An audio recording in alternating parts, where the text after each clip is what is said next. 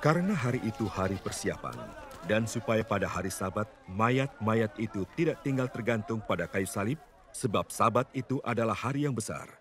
Maka datanglah orang-orang Yahudi kepada Pilatus dan meminta kepadanya supaya kaki orang-orang itu dipatahkan dan mayat-mayatnya diturunkan.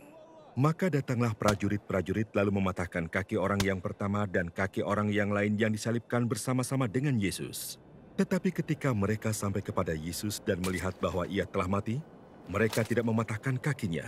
Tetapi seorang dari antara prajurit itu menikam lambungnya dengan tombak dan segera mengalir keluar darah dan air.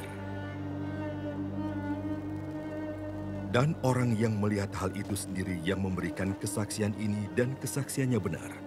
Dan ia tahu bahwa ia mengatakan kebenaran, supaya kamu juga percaya. Sebab hal itu terjadi, supaya genaplah yang tertulis dalam kitab suci. Tidak ada tulangnya yang akan dipatahkan. Dan ada pula nas yang mengatakan, mereka akan memandang kepada dia yang telah mereka tikam.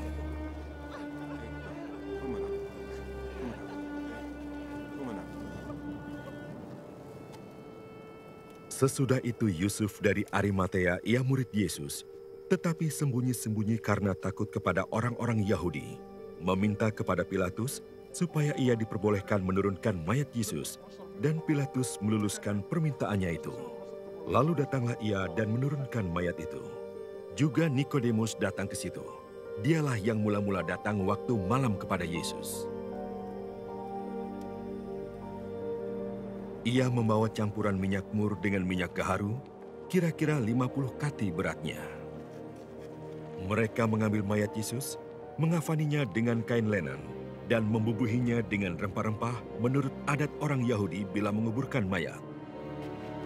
Dekat tempat di mana Yesus disalibkan ada suatu taman dan dalam taman itu ada suatu kubur baru yang di dalamnya belum pernah dimakamkan seseorang. Karena hari itu hari persiapan orang Yahudi, sedang kubur itu tidak jauh letaknya, maka mereka meletakkan mayat Yesus ke situ.